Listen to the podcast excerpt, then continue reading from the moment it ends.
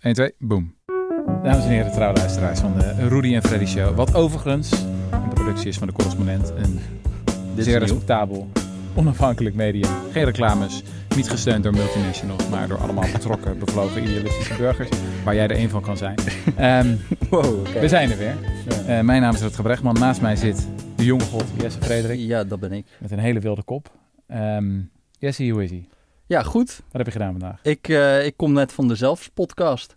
Oh, Dus dat is weer even kalibreren voor mij. ja, dat is even een Qua, ander eh, niveautje. ja, qua intelligentie. Zo. Het is wel grappig. Ik zat daar en ze, en ze zei ook wel, hey, wil je whisky, bier? Oh, Ik zo, oké.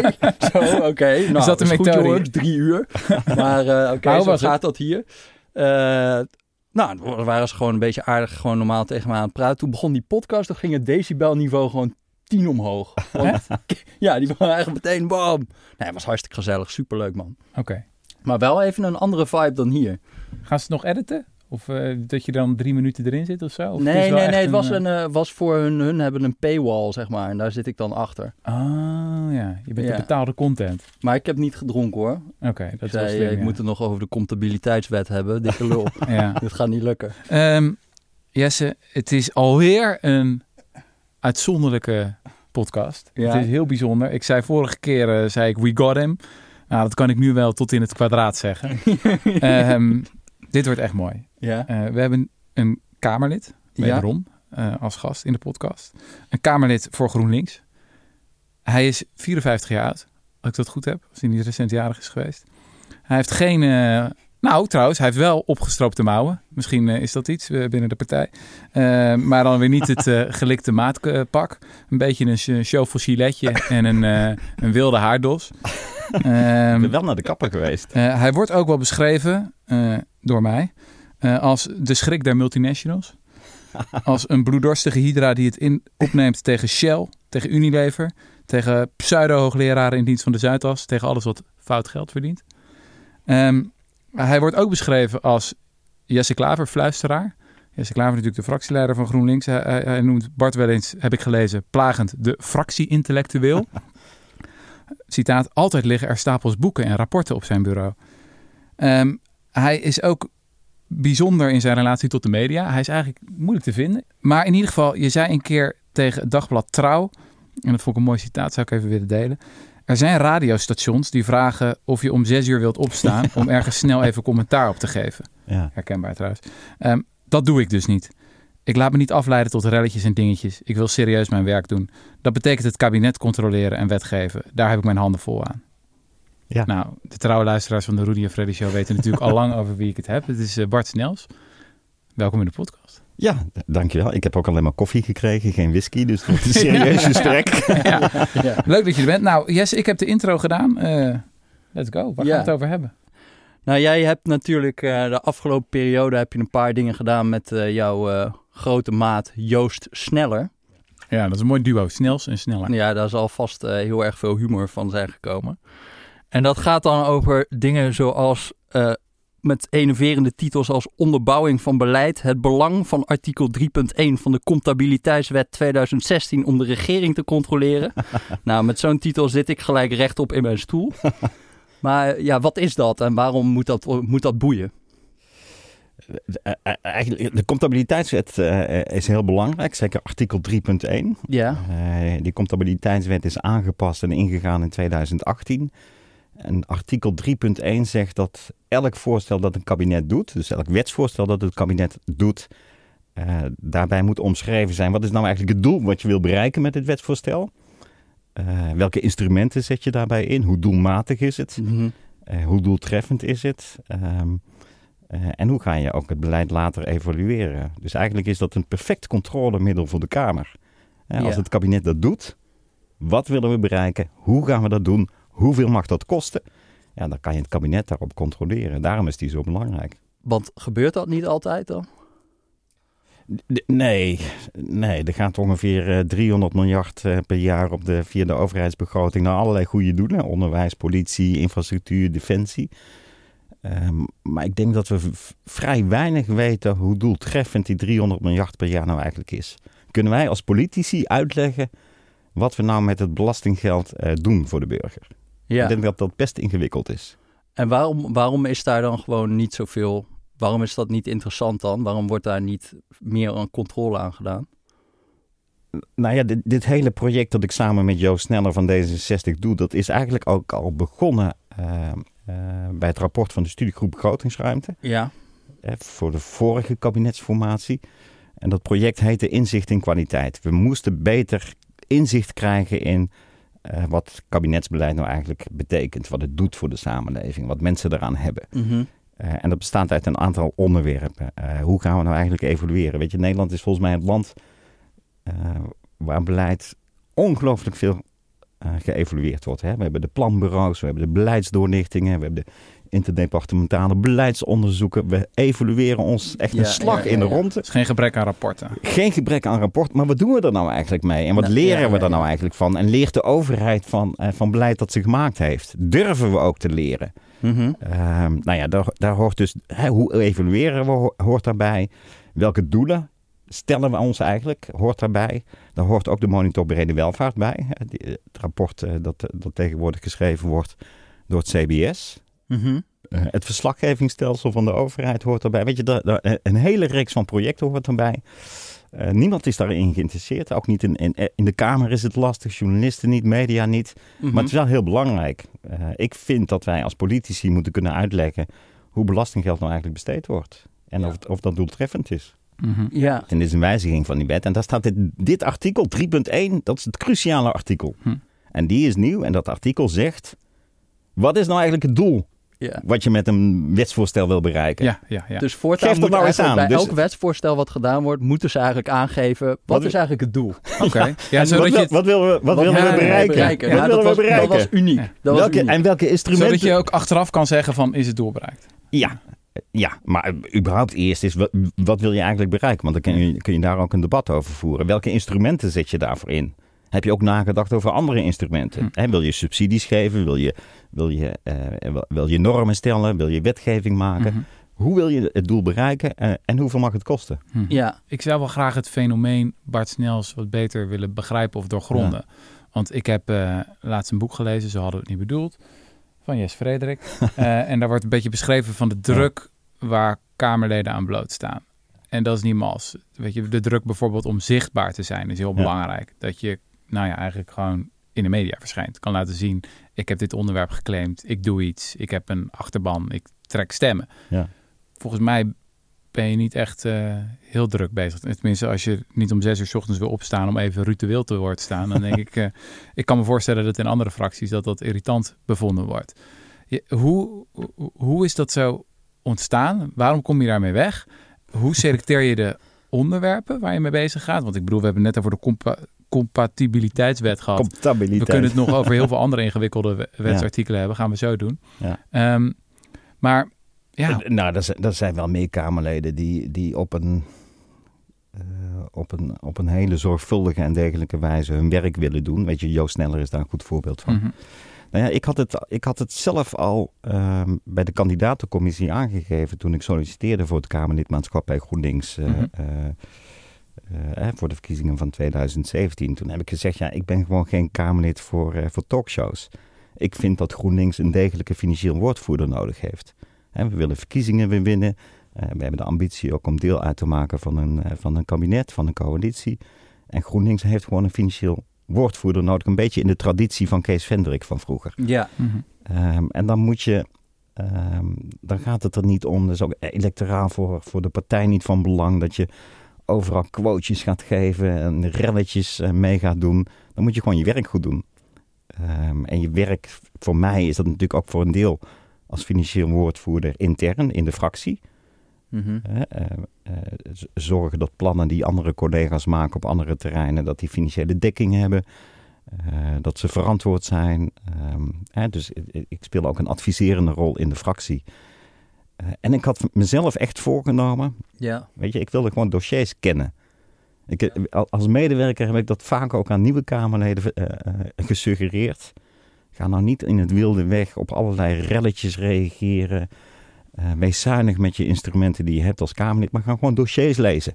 Gewoon Lees lezen. je dossiers. Ja. Kennis is ook macht. En heb je dan niet zo'n soort van... eh, dat, dat, dat, dat denk ik heel vaak. Van als, ik, als ik dan zie wat er allemaal in zien. Ja, jij zit in de commissie Financiën. Hè? Dat is Ja. misschien wel, nou ik weet niet of het de meest omvangrijke is. Maar er komt wel echt bizar veel langs Ja. daar. Ja. En ik denk, nou ja, het zijn ook een beetje mijn dossiers. Ik denk dat ik niet over 10% iets zinnigs kan zeggen. Van wat daar allemaal langs komt. Misschien nog wel minder. Eh, en je zit daar met een enorme verantwoordelijkheid om daar, eh, om daar dan allemaal iets over te zeggen. Eén voorbeeld is natuurlijk wat je elk jaar la- langs ziet komen, is het belastingplan. Ja, Ik weet niet of de luisteraars dat kennen. Er komt er gewoon een wetswijziging of 50 in een Ja. week of 4, 6. Moeten Ja. dan eh, door, de, Ja. door de Tweede Kamer heen komen. ja. En ja, eh, ben je dan niet bang dat daar iets tussen zit van... ik begrijp dit eigenlijk helemaal niet. Oh ja, maar dat gebeurt regelmatig. Weet je, je kan ook niet alles doen. Ehm, ik, ik, doe- ik doe de hele portefeuille financiën. Dus hè, dat is zowel de, de, de, de begrotingskant van de minister Mhm. als de fiscale kant eh, van de staatssecretaris en de toeslagen. Eh, als ook nog eh, zeg maar de financiële sector. Weet je, dat, dat is de- het hele ministerie controleer ik in mijn eentje met één medewerker. Eh, en ik krijg secretariële ondersteuningen. wedstrijd. Ja, Ja. Dat, dat, dat is bijna onmogelijk. Ehm, dus je moet altijd prioriteiten kiezen. Je moet altijd kijken waar je nou echt eh, vindt dat je je verder in moet verdiepen. Eh, en soms zijn wetswijzigingen ook vrij technisch en, en klein. Ja, dat, je kan het niet allemaal. Je kan het niet allemaal. Ja, Hm. misschien is het leuk als we even voor het belastingplan uit 2021 had een kleine quiz gemaakt. Oh, lachen. Ja, Een quiz, wat er ook quiz. nou ja. Ik ga gewoon vijf Ja. maatregelen noemen die Ja. in, in, in het belastingplan staan. Eén daarvan bestaat niet. Oké. Oké, komt-ie. Doe ik ook mee aan de quiz? Ja, ja, jij mag ook mee. Oké. De eerste. De verrekening van voorheffingen met vennootschapsbelasting aangepast naar aanleiding van het Sofina-arrest. Aankondiging van het wetsvoorstel met armslengtebeginsel aan te passen. Aanpak informeel kapitaalstructuren. Aanpassen van het begrip inrichting in de afvalstoffenbelasting. Aanpassing heffingsmoment aandelen optierecht voor start-ups. En aanpassing van de mogelijkheid tot mismatches met hybride lichamen in het intergalactische handelsverkeer met de planeet Xanu. Ja, die is makkelijk. Dat was de, laatste. Ja, er, er zit er, en eh, eentje is aangekondigd. Hè? Die, die hebben we ook nog niet behandeld. Ja, nee, er staat ook aankondigingen. informeel ja, ja, kapitaal. ja. Maar, maar om maar even een, een, een, een gevoel te geven voor wat daar allemaal langskomt, dan denk je toch wel van, ja, god, eh, eh, ik, zou, ik zou gewoon heel erg, ik zou gewoon heel erg bang zijn de hele tijd. Gaat dit wel goed? Eh, Nou, ik ben ook al, al een paar jaar achter elkaar boos op de staatssecretaris dat dat op deze manier gaat. Kijk, je moet je even voorstellen, ook- dit, dit, ja. dit volgt natuurlijk gewoon uit Prinsjesdag. Hè? Op Prinsjesdag presenteert het kabinet de begroting. Mhm. Ehm, eh, en daar staan alle nieuwe plannen in voor, eh, voor het komende jaar. Ja. Dat gaat over al die departementen. Hè, dus onderwijs, zorg, eh, eh, eh, infrastructuur, defensie. Al die en dat zijn allemaal aparte commissies. Dat Mhm. is waar we geld aan uitgeven. Mhm. En dan is er één commissie die gaat over de inkomsten, over de belastingen. En Alle wetgeving, hè, dus 300 miljard geven we uit, ongeveer 300 miljard halen we binnen. Een hele Kamer gaat over 300 miljard hoe we uitgeven. En er is één kleine Ja. commissie financiën, de fiscaal woordvoerders, die over de inkomsten gaat. Hm. Dat geeft al iets aan over hoe, de, hoe, hoe verschillend die balans is. ja, Ik wil graag even inzoomen op een van je lijpere wetten. Ehm, dat was die, eh, de belastingwet met Shell en zo. Ja.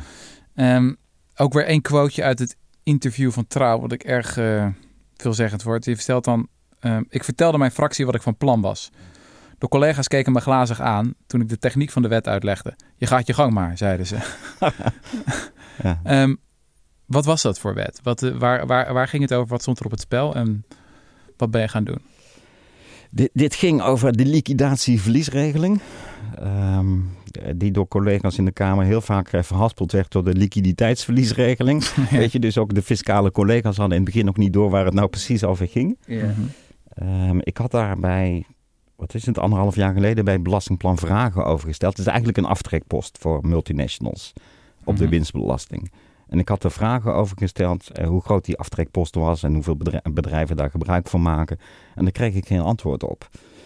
Ehm, maar ik had het gevoel dat dat een aftrekpost was die, die uit de kluiten gegroeid was. En waar multinationals heel erg gebruik van maakten om de winstbelasting in Nederland eh, eh, naar beneden te drukken. Ehm, dus ik was daarmee bezig. Toen kwam eh onderzoeksjournalisten bij, bij Trouw Eh, die publiceerden een groot stuk eh, waarbij ze lieten zien dat er grote multinationals als bijvoorbeeld Shell waren, die helemaal geen winstbelasting in Nederland betalen, dus gewoon nul. Mhm. En toen dacht ik, ja, maar dat heeft te maken met deze aftrekpost. Mhm.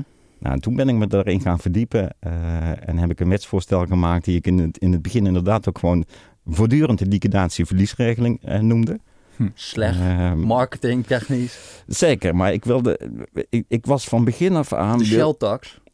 Ja, maar ik was van begin af aan bezig om, eh, om ook de coalitiepartijen daarin in mee te nemen. D66, ChristenUnie. Ja, ja, dan moet je juist Want ik wilde, ik, wilde, ik wilde een meerderheid voor die wet. Ehm, dus ik heb hem toen nog niet. Hij- Later in de wandelgangen is die de, de Shell-wet gaan, eh, gaan Is, dat, heten. is dat de methode snels? Van dat als je iets gedaan wil krijgen, dan moet je er niet over roeptoeteren en TED-talks over gaan geven en zeggen we gaan Shell aanpakken.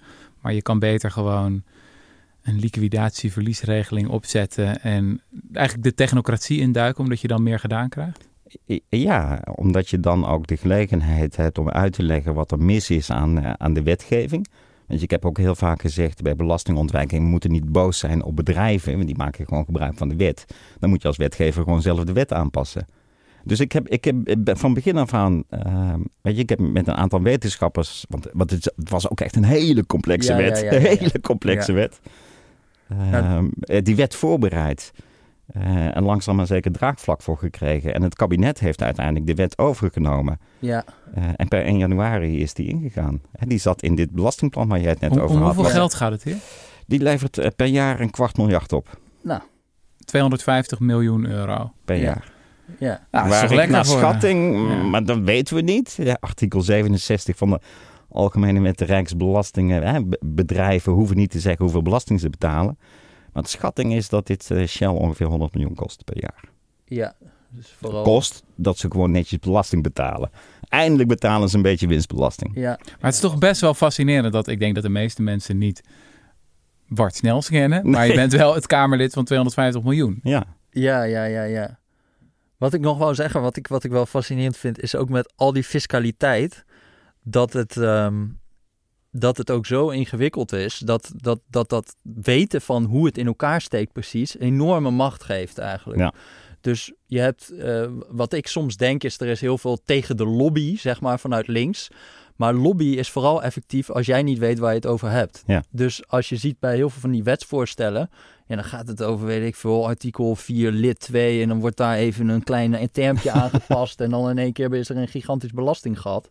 Ja. Ja, daar, eh, aan die andere kant, daar zitten allemaal de Nederlandse Orde van Belastingadviseurs, VNO-NCW. Eh dus als je dan die reactie van VNO-NCW leest, of zo, super gedegen. Dat is de grote Grote werkgeversorganisatie. Super gedegen. Echt op detailniveau zitten Ja. ze daar echt in en kritiek te leveren. Aan die andere kant staat eigenlijk vooral op fiscaal gebied staat er niet zo heel erg veel. En ja, dus dan vind ik het ook wel fascinerend. Hoe kom jij dan in godsnaam bij zo'n liquidatie-verliesrekening? Want, eh, eh, want dan moet je toch wel behoorlijk wat weten voordat je snapt dat dat groot is. Ja, als jij, zeg maar heb de... jij mensen die je influisteren? Ja, Bart? inderdaad. Ik- jij ik- bent de Jesse-fluisteraar, maar wie is de, wie is de Bart Bart-fluisteraar? Nee, ik, ik heb een netwerkje van wetenschappers. En van nog onafhankelijke wetenschappers. Hè. Jan Vlegeert, eh, die, eh, die, die ook Ja. onderzoek heeft gedaan naar hoe die lobby bij eh, van die fiscalisten werkt. En hoe dat Mhm. verweven is eh, van de universiteiten naar, naar, naar- de advieskantoren. En dus ook naar de Nederlandse Orde van Belastingadviseurs. Jan van der Streek is voor mij heel belangrijk. Hoogleraar Mhm. fiscaal recht. En wat het vervelende is, en daar heb ik zelf eh, met een medewerker ook onderzoek naar gedaan. hoeveel eh, hoogleraren aan de Nederlandse universiteiten zijn nog echt onafhankelijk hoogleraar. Ja, Eh, dat zijn die fiscale rechtswetenschappen. en, en Dat zijn allemaal eh, bijzonder hoogleraren, noemen we dat dan Nee, toch? niet eens. Er eh, zijn zelfs, we- weet je, was dat maar zo. Maar er Hm. zijn ook gewoon, gewoon hoogleraren die ook als nevenfunctie hebben. Of andersom, de, de, het hoogleraarschap als nevenfunctie. Maar die werken ook bij een van de grote advieskantoren. En dat geldt dus voor 75% van de hoogleraren, van de wetenschappers, eh, fiscaal recht en ondernemingsrecht. hm. ja. Hè, dus er zijn, en daarom zijn die beide Jannen, eh, zijn uitzonderingen in de universitaire wereld, die dus ook advies kunnen geven aan, aan maatschappelijke organisaties, maar ook aan politieke partijen. ja. Over hoe, hoe belastingontwijking werkt, hoe fiscaal recht in elkaar zit, hoe je wetgeving zou kunnen aanpassen. Mhm. De meeste van die hoogleraren die hebben een dubbelfunctie. Hm. Dus die hebben er ook geen belang bij eh, eh, om wetten te wijzigen als dat ten nadele is van de advieskantoren en de, en de multinationals die zij adviseren. Ja. En dat vind, ik, dat vind ik een heel groot probleem in het Nederlandse debat over, over belastingpolitiek.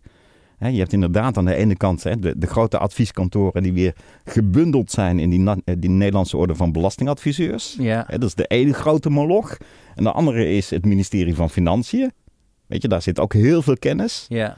Ehm, en maatschappelijk is en er namelijk van de debat. Belastingdienst, mag je die eigenlijk spreken? Of doen jullie dat wel eens? Of gewoon, dat is natuurlijk ook... Nou kijk, als, ik, als, als ik wetsvoorstellen maak, uh, dan kan ik ook een verzoek doen voor ambtelijke ondersteuning. Uh, uh, en die heb ik ook gekregen. Um, hè, zowel bij de, bij de Shell-wet als, als nu ook bij wat in de wandelgangen de Unileverwet is, uh, waar ik ook nog uh, mee, mee, bezig ben. Oh ja. dat, is ook, dat, is ook, een groot... En, en, en ik ben echt onder de indruk van de kennis van die, van die ambtenaren bij Financiën. En die vinden het ook leuk om met mij, mij te werken.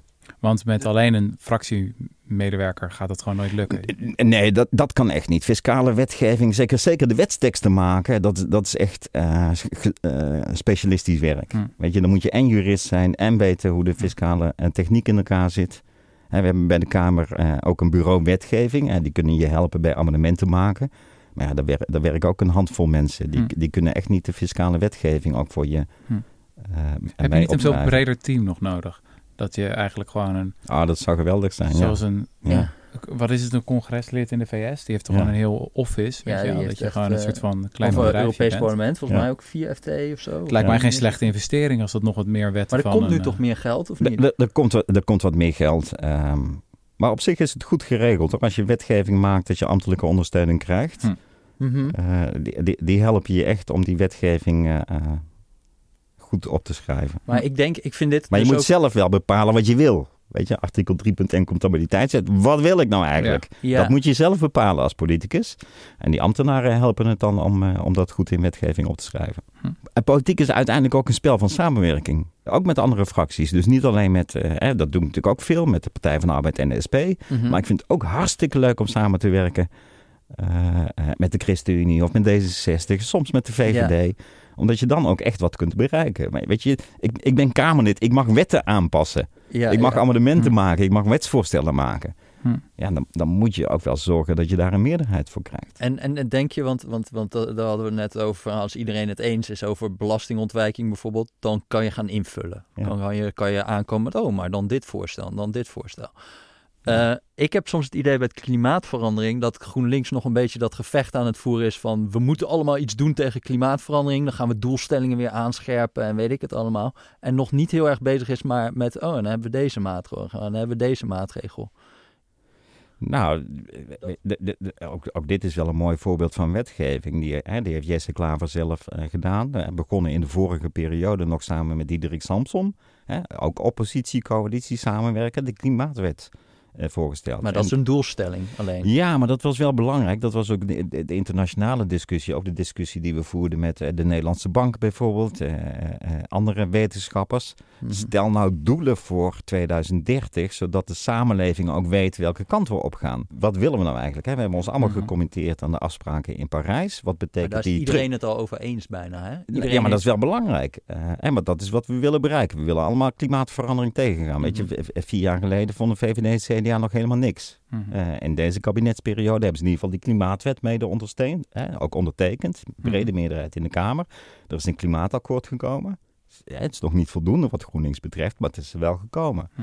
Eh, maar dan, dan weet je wat je wil bereiken. En dan heb je de doelen ook vastgezet. En vervolgens moet je dat gaan invullen met, eh, met beleid en met maatregelen, met instrumenten. Hè, op de landbouw, op het verkeer, op de industrie, op wonen. En dan kan je beleid gaan maken. En dan, maak je, kijk, dan krijg je later pas het gevecht over de instrumenten. Weet je, en dat zit ook in een ideologisch debat. Hè? CDA en ChristenUnie wilden de landbouw een beetje redden. Mhm. Eh, VVD wil niks aan mobiliteit doen. Nou ja. Ehm, maar wat we delen is wel dat de doelen gehaald zouden moeten worden. Hm. Weet je, daarom is het ook zo'n grote teleurstelling dat de VVD het programma niet laat doorrekenen door het PBL. Ja, ik kon, ik kon daar toch wel enigszins begrip voor opbrengen hoor. Als je Vertel. ziet wat ze. Nou ja, ze hadden PBL toch. is het planbureau voor de leefomgeving. Die rekent plannen door, ook klimaatplannen, om te kijken of ze... Het was toch wel heel erg dat je een beetje de zak was als je het heel erg op Europees beleid gooide. dus dat zij gingen gewoon heel erg nationaal kijken hoe zit het met de CO2-uitstootbeperking in Nederland. Ja, als je dan zegt van eh, eh, we doen hier gewoon alles uit, maar we importeren alle stroom, dan win je. Ja, maar dat slaat natuurlijk nergens op, want dan wordt de, wordt de CO2-uitstoot gewoon eh, in, over de grens gedaan. Ja, Dus gaat- ik snap wat dat betreft wel de kritiek op die modellen om het dan niet door te rekenen. Ja, dat weet ik niet. Maar het was wel een beetje een soort van een berekening dat ik ook dacht van ja, daar moeten we juist een beetje vanaf. Van dat hele totaal nationaal bekeken eh, eh, klimaatbeleid, toch? Nee, ehm, omdat de, de Parijsdoelstellingen die zijn vertaald naar, eh, naar de opdrachten eh, voor, voor alle landen in, eh, in- de wereld. Die zijn in Europa vertaald naar landen van de Europese Unie. Dus we hebben zelf een opdracht om onze eigen klimaatdoelen te halen. En natuurlijk is dat gerelateerd aan Europa. Europa heeft afgesproken dat, dat die doelstellingen omhoog moeten. Want anders halen we de 2 graden niet. En we willen eigenlijk nog het liefst bij anderhalve graad komen. En dus de doelstellingen moeten voor 2030 aangescherpt worden. En die gaan naar 55 procent. Daar zat het probleem bij de VVD. Dat de PBL die aangescherpte doelen van Europa nog niet wilde meerekenen. Ehm, Ja, maar het is wel... Kijk, ik vind het... maar dat snap je toch wel een beetje, die kritiek, of niet? Of ik, Nee, vond, ik, vond het wel, ik vond het wel reëel hoor. Ik, ik dacht van ja, dat is ook een beetje raar. Nee, maar het is... Kijk, het voordeel van... eh, hè, je, je hebt ook de, de, de, de doorrekeningen van het Centraal Planbureau. En dan krijg je de economische doorrekening. Wat, wat doet het op economische groei, op werkgelegenheid, op koopkracht? Dit gaat over de doorrekening op klimaat. Het grote voordeel is dat je allemaal tegen dezelfde maatlat wordt gehouden. Je kunt geen gratis belofte doen. Nou, ik vind altijd het grote voordeel dat je gewoon ziet wat mensen eigenlijk vinden. Ja. En, en, en, da- en, die, en wat er dan concreet verder uitkomt, dat neem ik met een gigantische korrel zout. Maar dan moeten keuzes gemaakt worden. Weet je, politiek is, is kiezen. Ja. Eh, en als je niet tegen de meetlat wordt gehouden, kun je gratis beloftes doen. Het Hoef je mooiste niet te voorbeeld- kiezen. Kun je, en weet je, dan, dan kun- dan kun je de, de, de, de hemel op aarde beloven. Ja, ja, ja. eh, Het en mooiste volledig voorbeeld is CO2-opslag, toch? Want het- dat is iets waar linkse partijen vaak heel kritisch over zijn. Vinden ze niet zo mooi. Dus Ja. dan heb je, weet ik veel, een kolencentrale of zit een in gascentrale. Ja. En die stopt dan, eh, daarna stop je, probeer je de CO2 af te Ja. vangen, stop je in de grond. Wordt vaak dan kritisch over gepraat, maar dan ga je naar de doorrekeningen kijken. En dan blijkt er toch wel een vrij enorm beroep te moeten worden gedaan op Ja, ook bij CO2-opslag. GroenLinks, Zeker in de mix. Nee, ook, bij GroenLinks, ook- om de ook bij boel rond te zit er, breiden. er zit- er opslag in, eh, in, in het pakket. Maar dan Ja. is het toch wel raar als je ziet van hoe, wat is zeg maar de toon daarover dat soort, over dat soort instrumenten. Die is echt extreem negatief en dan je de tering afhankelijk van. Nee, nee, nee, maar eh, ook dat klopt niet helemaal. Eh, de vraag is, wil je het ook subsidiëren? Ehm, weet je, dat de- de- debat wat we ook aan het begin van deze kabinetsperiode heb, hebt gevoerd. Mhm. Eh, Weet je, het heeft iets te maken met strategie. Hè? Wil, je- wil, wil je echt inzetten op schone energie, op zon en wind en windparken, eh, eh, waterstof straks. Ehm, maar je zult ook maatregelen nodig hebben die niet die omslag naar die duurzame economie maken. En dan ga je, denk, en dan ga je, dan ga je CO2 opvangen, bijvoorbeeld. Ehm, maar wil je dat bijvoorbeeld al gaan subsidiëren ten koste van de eh, ontwikkeling van duurzame energie? Ja, dat, daar zijn wij kritisch op. Maar wat je ziet in ons programma is dat bij ons de CO2-prijs omhoog gaat voor bedrijven. En dat het voor bedrijven dus rendabel wordt om zelf te ja. Nee, investeren in opslag. En dat is volstrekt rationeel ook. Als bedrijven dat doen en dat, dat, dat, dat, dat is kosteneffectiever dan, eh, dan op hele korte termijn het hele productieproces nog een keer aan te passen. denk dan kunnen zij ook opslaan. Ik ga Ja, een beetje iets, iets plagerigs zeggen. Ja. Maar wat ik eigenlijk denk is dat als, als Bart Snels zijn stemwijzer doet, dat hij misschien ook wel eens op een andere partij uitkomt. Weet je wel? Dat kan ook wel Volt zijn of ook D66. Maar ik bedoel, je zit er niet toch voor in de Kamer om soort van precies het ideologische GroenLinks verhaal te verkondigen. Je wil mooie wetgeving maken en dat is een mooie plek, maar dat had net zo goed D66 kunnen zijn, toch? Nee, ik, heb, ik heb eigen opvattingen. En die komen het meest overeen met GroenLinks. Ehm, maar ik vind het ook wel mooi dat ik het iedere keer met, met, met, met zowel GroenLinksers eens moet worden en in de fractie het eens moet worden. En als ik resultaten wil boeken met wetgeving of andere initiatieven, dat ik het ook met andere Hm. partijen eens moet worden. Hey, zullen we het tot slot nog even hebben over eh, je brute plannen, wie je nou nog meer te grazen wil gaan nemen als je herkozen wordt? Die ging niet lukken, toch? Die Unilever. eh. Wat was het Unilever-plan? Want Shell heeft dus een 100 miljoen, eh, dat, dat kostte ze het. Unilever was het plan dat zij, als ze weg zouden gaan eh, uit Nederland, want Ja, die dat, was wel ook echt smerig. dat ze dan eh, even moesten afrekenen bij de, aan. Ja. bij de kassa. Ja, en de- deze begon bij. ehm, hè, we hadden aan het begin van die kabinetsperiode die, dat hele debat gehad over de afschaffing van de dividendbelasting. Ja, het is bizar eigenlijk dat, om te bedenken dat dat de sfeer was aan het begin van de kabinetsperiode. Zeker. Ja. Als we het over belastingen hadden. Dat toen nog was van ja, we gaan even, wat is het, 2 miljard aan het bedrijfsleven cadeau doen. Nou, niet eens aan het bedrijfsleven, uit buitenlandse schatkisten. Oh, ja, het was buitenlandse zelfs, schatkisten, zelfs in het genre van, zeg maar, ik vind klassencynisme is op zich prima bij de VVD. Dat verwacht je ook een beetje. Ja. Maar ook nog dom, klassencynisme. Ja. Dat, dat vond ik erg storend. Maar Ja, ga door. ja, ja. Ja, nee, maar het ging- maar het ging- dat was het waar we toen over hadden. En nu hebben we het over eh, nou ja, zo'n Shell-wet, over een Unilever-wet. Ik bedoel, die wint wel helemaal gedraaid. Dat is fascinerend. Maar zoom even in nog op die Unilever-wet. Die Unilever-wet. Nou, gaat die nou dat- dat- komen of niet? Ik werk er nog aan. Eh, s- sterker nog, ik moet vanavond weer eh, de, de- de- het concept van de nota naar aanleiding van het verslag eh, eh, eh, eh, goed doorlezen. Want ik, die, die gaat. eh, eh, ik denk dat hij vrijdag naar de Kamer gaat. Mhm. Dus de, hè, de, de- hij is in behandeling genomen door de Kamer. Mhm. Eh, de Kamerfracties hebben er schriftelijke vragen over gesteld hè, in het verslag. Zo gaat dat bij wetgeving. Eh, en het is nu aan mij als initiatiefnemer om op al die kritische vragen van de andere fracties antwoord eh, te Hm. geven. Eh, er zal ook een rapport bij komen. Dat we hebben laten maken over of er nou ook van die exitheffingen in de dividendbelasting zijn in andere landen. En Want het komt erop neer dat als, als, als een bedrijf verhuist, dat je dan eigenlijk moet gaan afrekenen over alle dividendbelasting die je eigenlijk nog had moeten betalen. Daar komt het eigenlijk op neer, toch?